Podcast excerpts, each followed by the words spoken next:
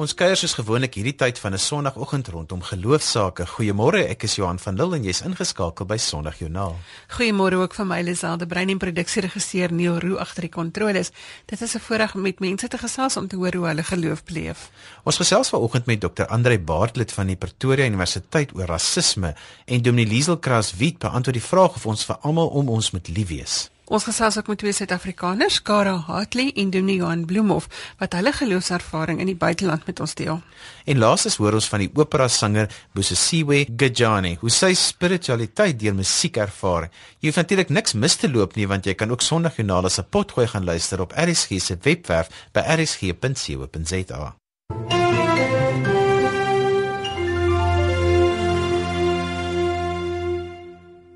Ons is almal bewus van die gonsende media oor die debat rakende rasisme en vanoggend sluit Dr. Andrei Bartlett by ons aan om te help kookus oor wat die bydrae van die kerk tot die debat is en hoe ons as gelowiges sinvol hieroor moet dink. Goeiemôre Andrei. Goeiemôre. Uh, baie dankie vir die voorreg om saam met julle te kan dink oor hierdie saak. Andrei, kan ek begin deur te vra of die kerk enigsins 'n rol te speel het in hierdie debat? Dink die kerk het 'n verskriklike belangrike rol te speel want die die die kerk gaan onder andere oor uh menseverhoudinge. Die kerk gaan daaroor om te sê ons bepaalde visie van hoe 'n wêreld behoort te lyk en deel van daai visie is mense wat wat in vrede en harmonie en met wederwysige respek saamleef.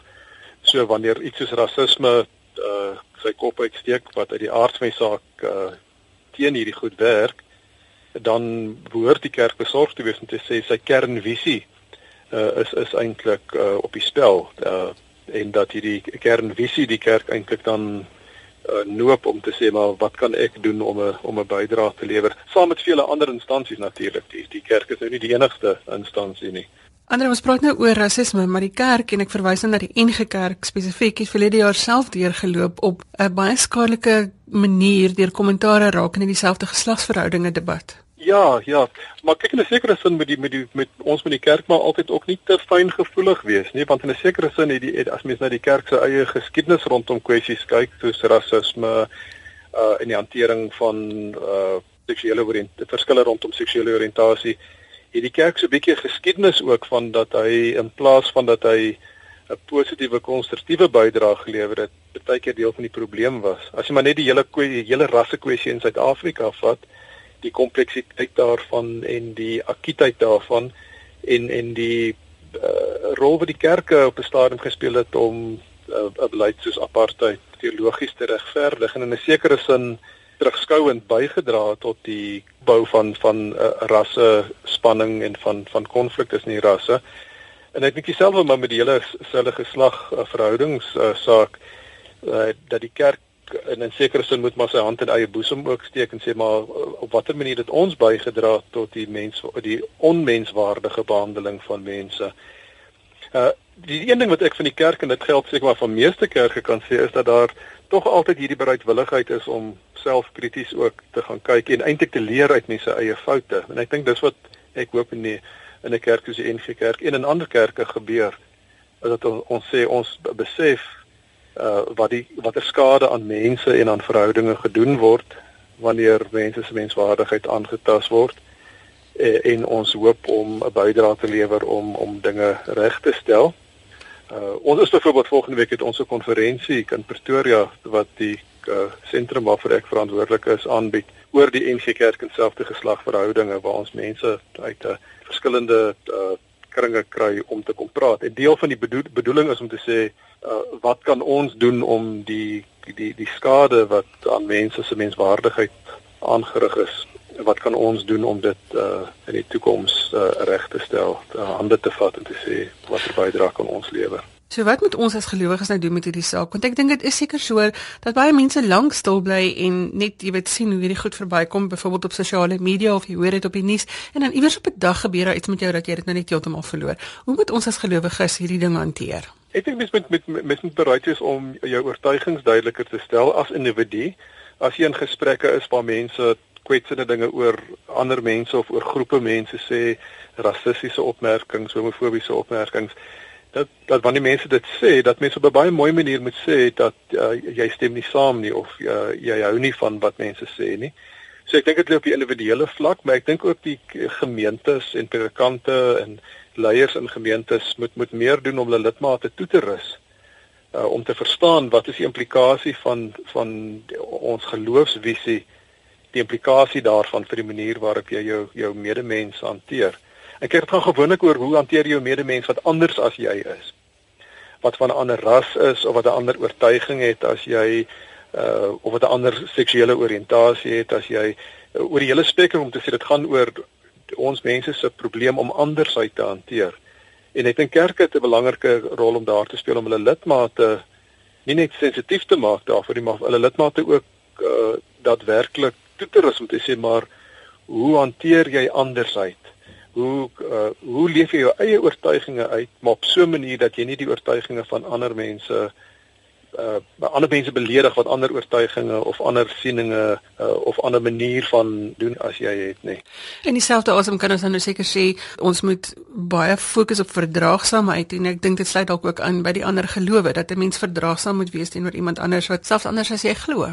Presies, dat mens respekvol optree, dat jy die die waardigheid van die ander persoon uh, respekteer sonder om jou eie oortuigings prys te gee. Dit is my wonderlike ervaring om in, in gesprekke met mense van ander gelowe te wees dat jy mens respekvol kan optree en wederwysige respek tot stand kan help bring, maar sonder dat dit ooit van jou verwag word om jou jou oortuigings of jou eie geloof uh op sy te sit of dit te verloon. Ek dink jy het nou net oor die voorbeeld van die sosiale media gepraat. Ek dink ons moet baie meer doen om doodgewoon op die sosiale media waar ons kan 'n uh, ander stem te laat hoor.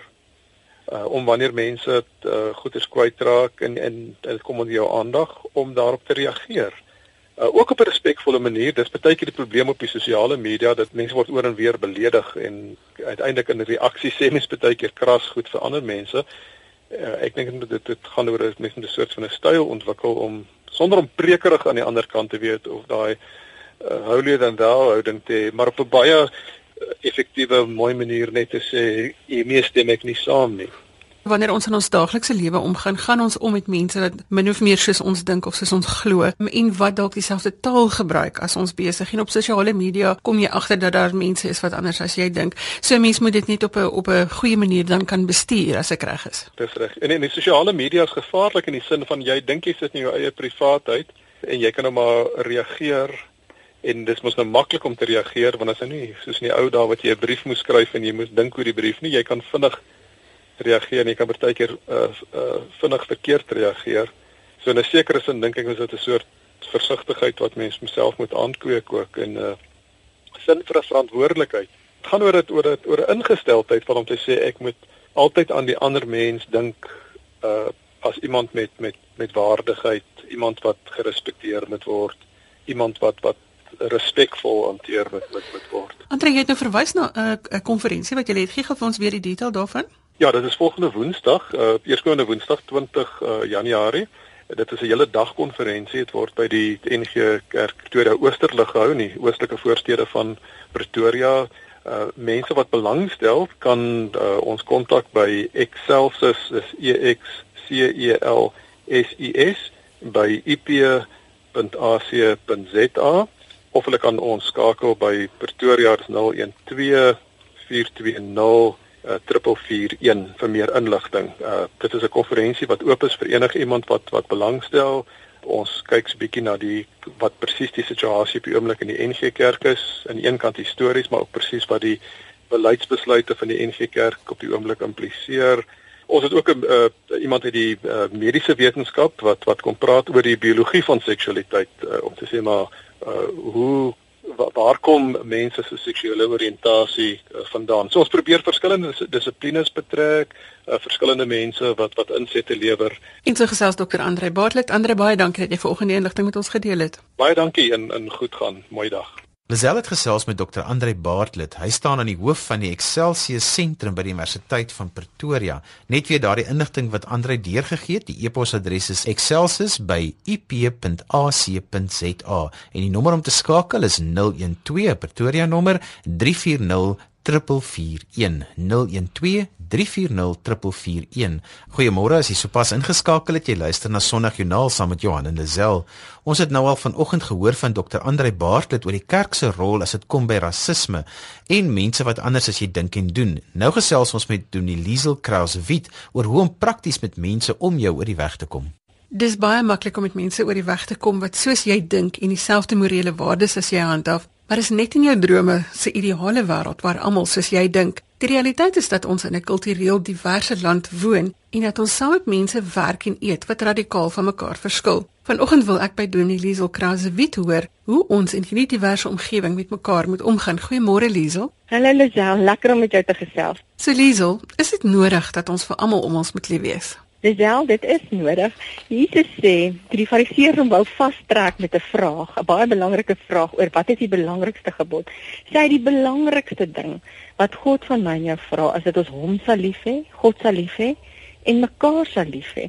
So dis nie sommer net 'n versoek wat daar in die Bybel staan dat ons mekaar moet lief hê nie. Dit is 'n opdrag en God is liefde en Jesus het gekom en hy het vir ons liefde hier op aarde kom demonstreer. En Paulus sê dit ook so mooi. Hy sê dat as wanneer ons mekaar liefhet, dan dan kom ons die hele wet na, al die wette en die profete. En in in Johannes staan daar ook dat wanneer ons mekaar liefhet, dan leef God in ons. En wanneer Paulus praat oor die liefde, dan sê hy dat endostas, hy gebruik daai Griekse woord endostas wat beteken ons moet die liefde aantrek. Ons moet kies om ook lief te wees vir mekaar. Ons kan nie net lief wees vir die wat is soos ons en wat lyk soos ons en wat op ons golflengte is nie. Ons moet vir ons naaste lief hê en ons naaste is almal wie oor ons pad kom. En jy's inderdaad reg as jy sê dit is nie maklik nie want dan waar daar 'n groep mense saam is, is is daar verskille, né? En en maak ons mekaar baie keer seer en dan sukkel ons om mekaar lief te hê. So dit klink eenvoudig, Maar wat Jesus vir ons sê is dis die belangrikste ding wat God van ons vra nie wette en reëls nie, maar 'n verhouding, verhouding met hom en 'n verhouding met ons naaste. Lisa, maar nou is daar mense wat vir ons gaan sê woorde is maklik, maar in die praktyk is dit nie so maklik nie. Natuurlik. Weet julle self my eie pa, ons loop 'n klein hoewe hier so noord van Pretoria en hy's wreed aangeval in ons gemeente hier by Familiekerk NG Kameeldrif het ons op 'n stadium daar vroeg in die 2000s is die sewe mense in ons gemeente vermoor. En ons as gemeente kon gekies het om te onttrek. Maar weet jy ons het besluit dat ons gaan uitreik. Ons gaan 'n verskil maak in ons organisasie begin kampkeer waar ons uitreik na mense in ons omgewing. Ons wil 'n verskil maak. En weet jy die lewe is net eenvoudig te kort om met haat in jou binneste te leef. Haat en onvergewensgesindheid maak jou fisies siek. En ek het dit gesien in my pa se lewe. Hy moes op 'n punt kom wat hy moes vergeef het. En dit is nie maklik nie, maar met God se hulp is dit moontlik. En wanneer jy laat gaan, dan is dit bevrydend. En dan maak dit jou 'n hele nuwe wêreld oop. En ons moet liefde kies. Ons moet in Suid-Afrika in hierdie land met al hierdie diverse kulture en rasse, met ons kies vir liefde. Ons moenie haat kies nie. Haat is vernietigend.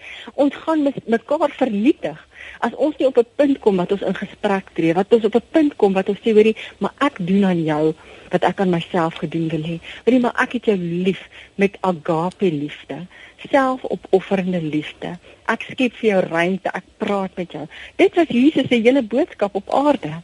Die Jode het verskriklik baie grense gehad. Hulle het nie met Samaritane gemeng nie. Hulle het nie met tollenaars gemeng nie. Um Hulle het nie met melaatse mense gemeng en wat Jesus gedoen het is hy het gekom en hy het al hierdie grense oorgesteek. En hy is ons meester. Hy stel vir ons die voorbeeld en ons moet grense oorsteek. Anders gaan ons mekaar vernietig. Ek het die voorreg gehad om 2 jaar in Amerika te bly en 'n jaar in Australië. En weet julle, ek is terug want ek is so lief vir hierdie land. Ons is die mooiste land in die wêreld. Maar ons ons moet aan mekaar kom en ons moet hande vat. En in ons leiers, is so belangrik dat ons leiers ook 'n voorbeeld stel en dat ons verhoudinge en rasseverhoudinge spesifiek sal oor praat en nader aan mekaar beweeg. Dis maar gaan ons dit prakties doen. Want dit is nou so dat 'n mens hou nou uit en jy hou nou uit en jy sê niks nie, jy deel nie neem, neem nie deel in die gesprekke nie en jy maak nie uitsprake wat wat verkeerd of moeilik is nie, maar tog iewers op 'n dag dan kantel die kameel se rug net van 'n klein strootjie en dan verloor jy dit tog en dan sê jy nou iets wat maak dat dit wat binne in jou is na vore kom. Hoe gaan ons prakties hierdie ding aanpak? Ek dink dat dit gaan ook dieper as dit. Dit as as hierdie ekonomie geblom het, as die werk was vir almal, as daar voorspoed en sukses was uh, uh vir vir die groot meerderheid, dink ek sou dinge ook dalk anders gelyk het. Dan sou ons dit begin by ons leiers ook. Leiers wat vir ons 'n voorbeeld stel, wat wat nie haatspraak lewer nie. Uh, uh, dit begin by myself op my op my sosiale media wat ek deel, daar moet ek 'n verskil maak. Daar moet ek uitreik. Daar moet ek God se liefde demonstreer. Moet ek sy hande en voete hier op aarde wees, sy koninkryk bou. So elkeen van ons het 'n aandeeltjie wat ons kan doen in hierdie saak. Hoe ons ons kinders leer, wat 'n voorbeeld ons vir ons kinders het. Ehm um, dink ek dit is maar die klein goedjies.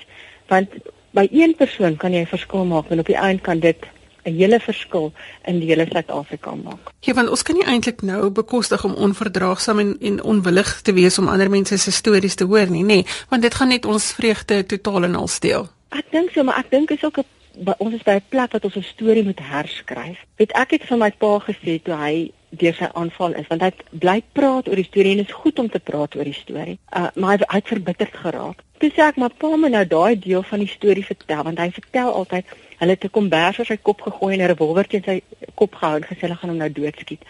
Hy sien toe daardie verskriklikste vrede en kalmte oor hom gekom.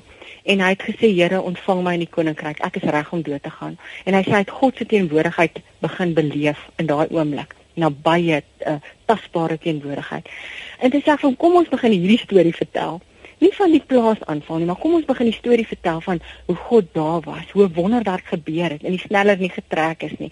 Hoe God vir Paul vrede gegee het in daai oomblik. So ek dink dit is ook 'n tyd waar, waar ons nou is om stories te begin herskryf en en ook terug te gaan na God se woord. Weet 'n baie bekende teoloog eh, sê byvoorbeeld Adri Kienig, hy sê wanneer ons verhoudinge breek, is dit sonde. As jy sonde word gepleeg daar waar verhouding verhoudinge verbreek word. Nou hy sê meeste sonde het te doen met liefdeloosheid. En God is liefde en, en dit is so maklik net om op jou knieë te sak en sê Here, laat u dringende liefde en dwingende liefde vir mense stort dit in my hart uit want ek weet in die woord staan daar dit is die belangrikste wat u van my verwag. En ja, ek weet Lisel, dit is nie maklik nie. En ons moet ook eg wees, ja, en ons moet ook sê ons leef nog geen hemel nie. Maar die feit is, dit is ook 'n keuse en 'n besluit wat ons moet neem en vir ons kinders se onthaalwe, vir hierdie land se toekoms se onthaalwe, vir ons eie selfbehoud dat ons nie mekaar vernietig nie. Sal ons moet op 'n punt moet kom wat ons sê hoorie maar ek skep vir jou ruimte en ek hoor jou storie en kom ons skryf 'n nuwe storie van hierdie nuwe reënboognasie. Sê die verskil begin by elkeen van ons. Ek het gesels met Dominee Liesel Krause Wit oor verdraagsaamheid wat ons teenoor mekaar moet uitoefen. Dankie Liesel vir die saamgesels. Wat 'n voorreg. Dankie Lisel. Seën vir jou. Lisel het gesels met Liesel Krause Wit. Ons gesels geloofsaake tot en met die 8uur nuus vanoggend en volgende gesels is met 'n Afrika Engel oor musiek Lisel. Busisiwe Gijani is van Gugulethu en sy is deel van die Cape Town Opera African Angels. Ons gesels vanoggend met haar oor hoe sy haar geloof en haar talent bymekaar bring. Goeiemôre Busisiwe. Goeiemôre, Lizo. Busisiwe, where did you start your singing career? I've got a choral background. Started from school, primary school, high school, and then I auditioned and luckily for me, I got the part and I was told by the directors that I was good. So it started from when I was like 12 years old. And Pussy, how do you experience your faith through your music? Growing up in a very spiritual and religious family where we sing and pray every day, music and God has always been part of my life. You know, when you are down and out, like when, when words fail, like music speaks. And I've got this, uh, so much faith that when you can't like really deliver something, you just talk to God and then do your thing before anyone else believes in you. And did you grow up in church? Yes, because at church we sing in choirs. Like you get to be involved in choirs and you sing church songs and then from there you start to grow your love for music. And you, you know, so when you take it to your career, your music directors would be like the like God, and you the performers and like the colleagues would be like the angels, like like it was in the Bible before God created them. And when the final product of the production is done, we rejoice and like like the angels shouting joy and singing, understanding God's purpose for music. You also told me that music gives you a kind of a spiritual connection, especially also with the people around you. Yes, of course, As, especially when you are away from home, because you get to get um, you get to tour around the world. You get to not see your family for like three months. So the people that you're traveling with and you're working with be your family when you are away and you, you build that spiritual, that faith between, within yourselves. And when you tour, you carry that within you and yourselves, amongst yourselves. So when we go on stage, every, like every night, every night when we go on stage, before going on stage, we pray. We take a verse in the Bible, we pray, and then we explain it, and then we have a good show. Even what happened, some of our colleagues, Fifi, her name, lost her voice. But I was there, and I felt her energy through God. So I was like, I, I could feel that she she's not going to make it. But through our faith and spiritual connection, we made the show work. We connected it's God maybe testing our faith. How how connected are we spiritually? Can we lift each other up through bad times? You were in Germany in December. How does that influence when you're in a country where religion doesn't even play a role? So it was very hard for me, especially on the first day season when you have to be with your family, because I know that my family would go to church on the on Christmas, go to church on 31st and the 1st, of January when the new year begins and they will pray. But with the help of the African angels, I was able to do that because after the performance, we went straight to the hotel and then we had like a little prayer and then we had our dinner. It was a bit of fun, although was, my family was not there. It's also interesting that you, you get to work with all the religions are different and all the music, our music is different. But with the people that I work with, they are able to, to learn from my Methodist church side, and then I, also get to learn from their Catholic. And then we, we would not like judge one another. One would just learn from one religion. Baie dankie dat jy vanoggend met ons gesels het. Baie dankie Lizel.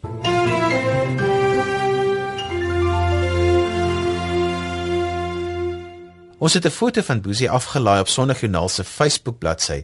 As jy sopas ingeskakel het, sê ons goeiemôre, dis Sondagjoernaal saam met Johan en Lisel. Gemaak gerus 'n draai op RSG se webblad by rsg.co.za vir inligting oor vandag se gaste en onderwerpe. Jy sal dieselfde inligting ook op ons Facebook bladsy kry.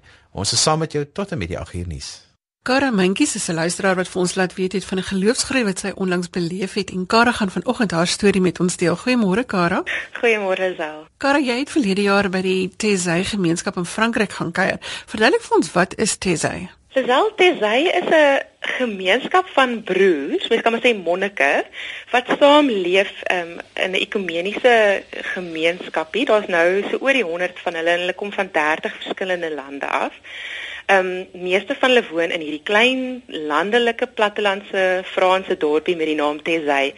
Ehm um, daar's ook 'n paar kleiner groepies in Kenia en in Brasilië en so aan. Dis gestig deur 'n jong Switserse man in 1940s wat dit net op sy hart gedruk gevoel het om te sê, "Sjoe, as Europese mense verstaan die Here se hart vir genade en vir vrede en versoening, dan sou hulle nie hierdie afgryslike goed aan mekaar kon doen soos wat hy rondom hom gesien het in die Tweede Wêreldoorlog nie.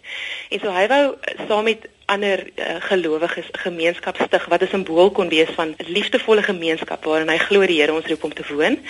En hulle doen dit oor geloofsgrense heen. Uh, daarmee bedoel ek dis ekumenies, so daar's Katolieke, Ortodokse en Protestantse broers en ook ehm um, oor nasionale grense heen. So daar's mense van verskillende nasionaliteite, ook nasionaliteite wat miskien polities nie altyd met mekaar oor die weg kom nie. Hierdie broers lewe saam en probeer 'n simbool wees van hoe ons as mensdom ook in vrede kan saamleef. So wat hulle glo Jesus bedoel het. Hulle werk om 'n bestaan te maak, so van hulle doen kuns, baie van hulle skryf boeke en hulle skryf ook ongelooflike liedjies en eintlik baie mense in die NG Kerk weet dat sal miskien vertroud wees met liedjies soos Ubi Caritas wat van Tesay afkom. Hulle skryf pragtige liedjies wat ons help om te mediteer op hierdie temas van vrede um, en versoening en ook om die vrees wat in ons harte is voor die Here te neer te lê. Ehm um, sodat ons uh, vanuit 'n meer rustige plek met mekaar kan saamlewe. En natuurlik hoe ek daarvan weet is hierdie broers nooi ook jong mense, mense onder 30, ouderdom van 30 om hulle te besoek. So in die Europese somer is daar deesdae oor die 1000 jong mense elke week wat daar by Tesay bymekaar kom en die daaglikse lewens saam met die broers um, daar leef. Um, maar ek was gelukkig om in die winter te kan gaan want dit 'n baie kleiner groepie besoekers is. Ons was nooit meer as 100 gewees nie. Karel, hoekom dink jy fokus hulle net op jong mense? So ek kan byvoorbeeld nou nie daar gaan besoek aflê nie want ek's ouer as 30. Jy kan nog steeds en hulle verwelkom ouer mense. Ehm um, maar ek dink hulle fokus is op jong mense. Miskien omdat hulle glo dit 'n goeie tyd is om ons te beïnvloed ehm um, terwyl ons nog oop is vir hierdie idees en so aan, maar hulle ontvang ook ouer mense en ook gesinne. Hulle het fasiliteite om selfs geskinders daar te kan besig hou terwyl hulle ouers deelneem in die daaglikse lewe daar. So wat het jou nou laat besluit om by daardie gemeenskap te gaan kuier? Sy staan mos nou vir versoening en vergifnis en vrede en van jongs af voel ek dit baie sterk op my hart dat dit is iets wat ek moet help om te bevorder in Suid-Afrika spesifiek. So natuurlik was ek aangetrokke tot die idee en toe in 2012 het sy 'n saamtrek in Rwanda gereël en ek het daarna toe gegaan. Ek het Rwanda toe gegaan en ek het eerstehands die Tesay uh aanbidding beleef en, en hulle het ook werkswinkels gehou en ek het net besef, "Sjoe, hierdie mense weet, hulle ken iets van Jesus. Hulle ken iets van sy hart van verzoening waarna ek wil groei en wat ek beter wil leer ken." So sedertdien het ek gedink, "Jesus, ek moet daar uitkom en ek word volgende jaar 30." So ek het gesê, "Dis nou of nooit. Laat ek dit nou doen terwyl ek nog ehm um, deel kan wees van die van al hulle aktiwiteite, nog deel is van hulle teikengroep." Ja, en ek is ook baie aangetrokke tot hulle styl van gebed met ehm um, lang tye van stilte in die middel van die kerkdiens en hierdie hierdie vorm van sang wat mense help om tot soveel vrede te kom in jouself. Ons praat nogal redelik baie oor stilte en asemhaal en net tot stilstand kom hier by Sondagjoernaal want ek dink mense lewe so vinnig dat jy regtig verby die Here leef. Hoe het hierdie besoek dan nou jou geloof verander of versterk? Want nee, dit was interessant. Ek moes na die einde van die week toe vir myself erken dat die verwagtinge wat ek aanvanklik gehad het, miskien nie ontmoet is nie, maar dat 'n hele paar ander goed met my gebeur het in daardie week. Ek dink ek het gehoop om instruksies te ontvang of uh spesifieke riglyne te kry vir watter van hierdie oop deure ek moet kies um, om versoening te bevorder in my lewe en in in my konteks in Suid-Afrika. En in plaas daarvan deur die besondere styl van aanbidding wat die mense daar ehm um, toepas, het ek eintlik tot 'n meer intieme kennis gekom van wie Jesus is en ek dink ook die soort verhouding waarna toe hy ons Christene nooi. So deel van die broers se daaglikse lewe in Tesay is om 3 keer 'n dag uh, te bid en te sing. En die jong mense word dan nou genooi om dit saam met hulle te doen in 'n pragtige kerk daar by Tesay en Vrydag-aande is 'n spesiale gebedstyd wanneer 'n mens genooi word om ook 'n uh, gebed rondom die kruis te doen. So hulle lê 'n houtkruis op die grond en mens kan dan beurte maak om vooroor te buig en jou voorkop teen hierdie houtkruis te raak. En dit is 'n simbool van om jou laste neer te lê, alles wat op jou in jou kop aangaan met ander woorde voor die Here neer te lê en by die Here se kruis te laat. En dit het my verskriklik getref. Nou toe ek so kyk na die jong mense wat wat sit en en wag om hulle beurt te neem om hulle voorkoppe teen hierdie kruis te gaan lê. Dis ek skielik getref deur die ongelooflike baie laste wat ons voor Jesus lê en dat hy regtig met diep liefde ons elkeen ken en verstaan en met diep empatie uh, dink oor ons laste en vir ons omgee. En dit was my oorweldigend want ek het besef Jesus roep ons ook tot daardie soort diep liefde en empatie. Maar wanneer ek my hart oopmaak vir mense wat ly, veral mense wat minder bevoordeel is, is dit dikwels my 'n bron van angs en 'n bron van kommer. En daarmee saam leef dit hyse mense en het ek ook in daai oomblik beter besef, hulle leef die vrede wat Jesus ook beloof het die vrede wat verstand te bowe gaan. En dit is my 'n uh, eh, eh, geheimenis wat ek nog nie van tevore so besef het nie. Dat ja hy roep ons tot dieper liefde maar daarmee saam beloof vir ons dieper vrede. Soos ons stap saam met mense wat ly mense wat anders as ons is mense wat ons challenge op watter vlak ook al. So dis iets wat ek met my saam terugbring en dit is eintlik vir my 'n uitnodiging tot dieper vertroue in die pad wat Jesus vir sy kinders voorlê. Met ander woorde dit was 'n baie meer persoonlike reis en minder 'n praktiese gaan maak nou so en so as jy in Suid-Afrika kom. Ehm um, die die broers skep ook die geleentheid om met uh jong mense te praat op grond van jou van jou nasionaliteit. So ons Afrika besoekers het met broer Parfait gepraat van Togo. En broer Parfait van Togo toe hy toe hy hoor wat ek sê van my ervaring dat dit nou meer 'n uh, persoonlike ervaring was as wat dit nou spesifiek vir my, jy weet, aksieplan gegee het.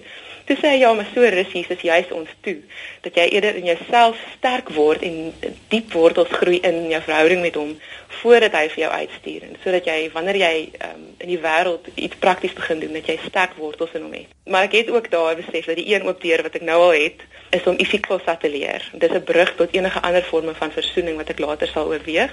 So in die komende jaar is dit my is dit my my een aksiepunt saam met verdere groei in die, in die Here.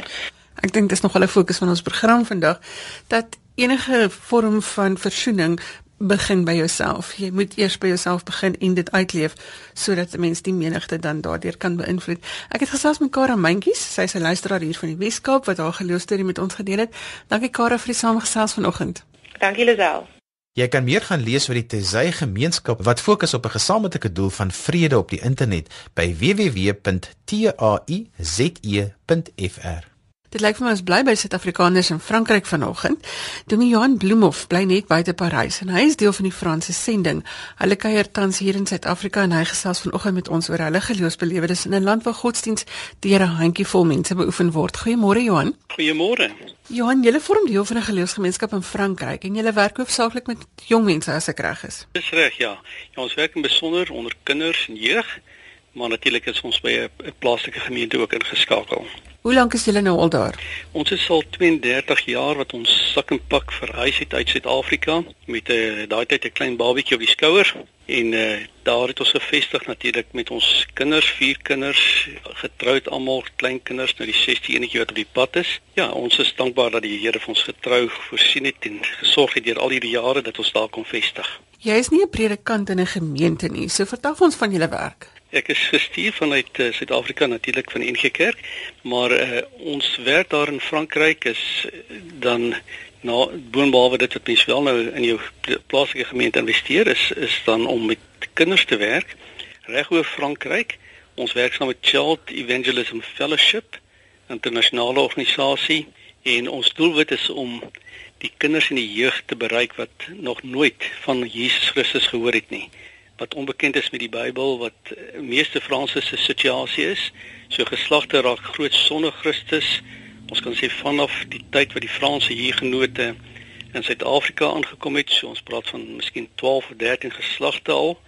Van daai tyd af het meeste uh jong mense oor al die jare, vir meer as 300 jaar, het hulle nooit nooit die Bybel gehad nie, nooit van Christus gehoor nie. So mense sit vandag in Frankryk met een van die grootste sendingvelde in die wêreld met uh, kinders wat totaal en al onkundig is, ouers ook, uh, grootouers, uh, mense wat nog nooit nog nooit die evangelie boodskap gehoor het nie. Ja, so dis ons groot uitdaging. Maar Johan, hoe wys mense nou prakties die liefde van die Here aan 'n gemeenskap wat nou nie noodwendig wil hê God sien daar 'n rol moet speel nie? Ja, dit is natuurlik nie eenvoudig nie, maar die groot die groot wyse waarop dit maar kan wys is maar deur die liefde van Christus te betoon, deur vriendskappe te ontwikkel, deur mense nader aan Jesus te bring, deur deur hulle disippels te maak stukkie vir stukkie. Goed, so ons het op al hierdie maniere werk ons. Kom ek noem 'n voorbeeld, byvoorbeeld in ons eie huis situasie eh, wat nou maar 'n voorbeeld is van baie reg oor die land in Frankryk waar ons werkers so 50 mense werk is maak jy maar net eenvoudig jou huis oop om vir kinders te vertel wat 'n Paasfees, wat 'n Kersfees natuurlik sê mens vir die ouers waaroor dit gaan en nooi mense hulle uit alle verskillende uh, groepe mense kom dan in jou huis en dan vir die eerste keer dikwels hoor hulle wat is die werklike betekenis van Kersfees. So dan is daar natuurlik baie ander aksies wat ons doen. Ons doen dit in die openlig. Uh, Frankryk het nog daai vryheid en uh, baie kinders hoor die evangelie, kom na Christus toe so. Ons doen dit op internet, maar ons doen dit ook deur die verspreiding van die Bybel. Nou moet ons onthou dat vir honderde jare soos ek gesê het, het mense nooit 'n Bybel gehad nie. Uh nadat Johannes Calvin natuurlik die Franse hervormder nadat hy die Bybel vir die mense uitgebring het, het mense dit geleer ken, maar moes 'n baie duur prys betaal. Hulle verlies Frankryk se verlies van die Hugenote was ons in Suid-Afrika en baie ander lande se wins geweest deurdat hulle moes vlug vir hulle geloof. Nou so ons bring weer die Bybel terug na die mense toe. En wat fantasties is is dat God doen ver bo tot wat ons sou kon ooit dink. Daar's 'n teks wat sê wat die oog nie gesien het, die oor nie gehoor het en die hart van die mens nie opgekom het nie, doen God en en dit is wat gebeur. In ons tyd is daar honderde Suid-Afrikaners wat kom help. Ons versprei die Bybel aan derduisende, eintlik miljoene en miljoene mense, kinders, ouers het die laaste 7, 8 jaar die evangelie so gekry en ons glo die Here gaan weer herlewing bring. Dat mense deur die woord te lees dan ook by Jesus Christus uitkom en so om dan dien. Johanna is nou baie vlugtelinge wat Parys instroom en ook daar's moeilike omstandighede vir Parysenaars. Help dit julle op 'n manier om hulle ontvanklik te maak vir vir die woord van vrede? Ja, ja verseker, nadat daai 130 mense geskiet is nou onlangs en dit het natuurlik oor die afgelope jaar baie keer gebeur, is dis een van vele insidente. Is dit so dat mense as jy uit na die na die kerk toe dan is hulle onseker van die toekoms, hulle het nie, hulle besef hulle het miskien nie die geloof of hulle definitief nie die geloof in Christus nie, hulle het nie die vrede waarna hulle smag ook nie. En daai tipe van mense wat gewoonlik eh, op die kantlyn gestaan het, speel nou op die veld. Hy kom in die kerk, hy luister graag en so is die mense in die onsekere situasie baie meer ontvanklik vir die geloof. Johan, jy kyk nou hier in Suid-Afrika. Is dit nodig dat 'n mens moet terugkom om net weer 'n bietjie jou jou geestelike lewe vol te maak? Ja, nee verseker. Ons kom so elke 2 jaar besoek ons Suid-Afrika, heelwat gemeentes. Ons doen deputasiewerk, dis 'n geloofsending aksie. En uh, in hierdie situasie is dit so dat uh, sodra ons voet aan die wal sit hier, dan besef mense onmiddellik jy is in hierdie pragtige land waar daar soveel gelowiges is. Met die eerste persoon wat jy uh, praat gewoonlik besef mense hier's 'n ander situasies uh, is in Frankryk. Hier is uh, al hierdie derduisende gelowiges kan 'n verskil maak hierso en in die wêreld en uh, dis die teenoorgestelde situasie as in Frankryk. So ja, nee ons ons uh, net net deur gelowiges ontmoet die hele tyd maak dit weer ons bekers vol loop dit oor en uh, kan ons weer die evangelie verder versprei in Frankryk. En julle gaan ook terwyl julle hier is vir mense meer vertel van die Franse sending in Franshoek. Ja, ja, verseker. Uh nou daar gebeur wonderlike dinge in Frankryk wat ons graag wil deel met die mense. Natuurlik een van die groot dinge wat gebeur is, kom ek noem dit miskien net terloops is by Nooyen, die geboortestad van Johannes Calvin. Na honderde jare is daar weer 'n kerk vandag deure uitreik. Is die Suid-Afrikaners het 'n baie groot rol daar in Frankryk. Nou ons wil vertel daarvan en van baie ander fantastiese dinge wat die Here doen. Die 20ste Februarie. Ek hoop mense kan dit sommer aanteken. 20 Februarie is 'n Saterdag middagete wat begin 12:00 gaan ons by in Franshoek wat dan natuurlik 'n bakermat is van die Hugenote wat na Suid-Afrika toe gekom het. Gaan ons daar 'n heerlike Franse ete aanbied, drie gang ete, baie goedkoop en gaan dit 'n heerlike dag wees van 12:00 tot so 3:00 se kant. En daarna gaan ons 'n bietjie lekker petank, die Franse boel speel. Nou, die wat dit nie ken nie, dis net so belangrik soos rugby in Frankryk, kan ek sê. So kom ontdek dit en almal is baie welkom. Mense moet net inskryf. Die maklikste is skryf maar na my toe as jy belangstel na bloemhof@free.fr. So bloemhof soos in die dorp met een f @free soos gratis .fr vir Frankryk of bel gerus na 084912 1539. En as jy dan wil hê doen die Bloemhof moet met jou kom deel oor wat hulle in Frankryk doen, kan jy dieselfde detail gebruik. Ek het gesels met Dominee Johan Bloemhof van die Franse sending. Dankie Johan vir die saamgesels. Baie dankie, ons waardeer dit. Die kontakdetail van Johan Bloemhof is by e-posadres, dis is bloemhof by free.fr.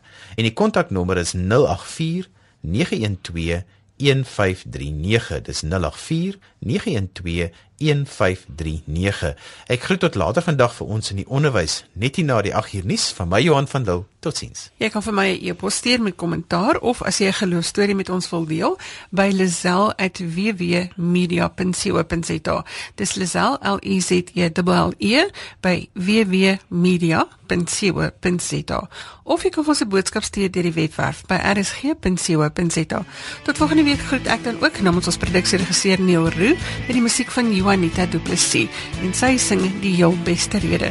Tot volgende week, totsiens.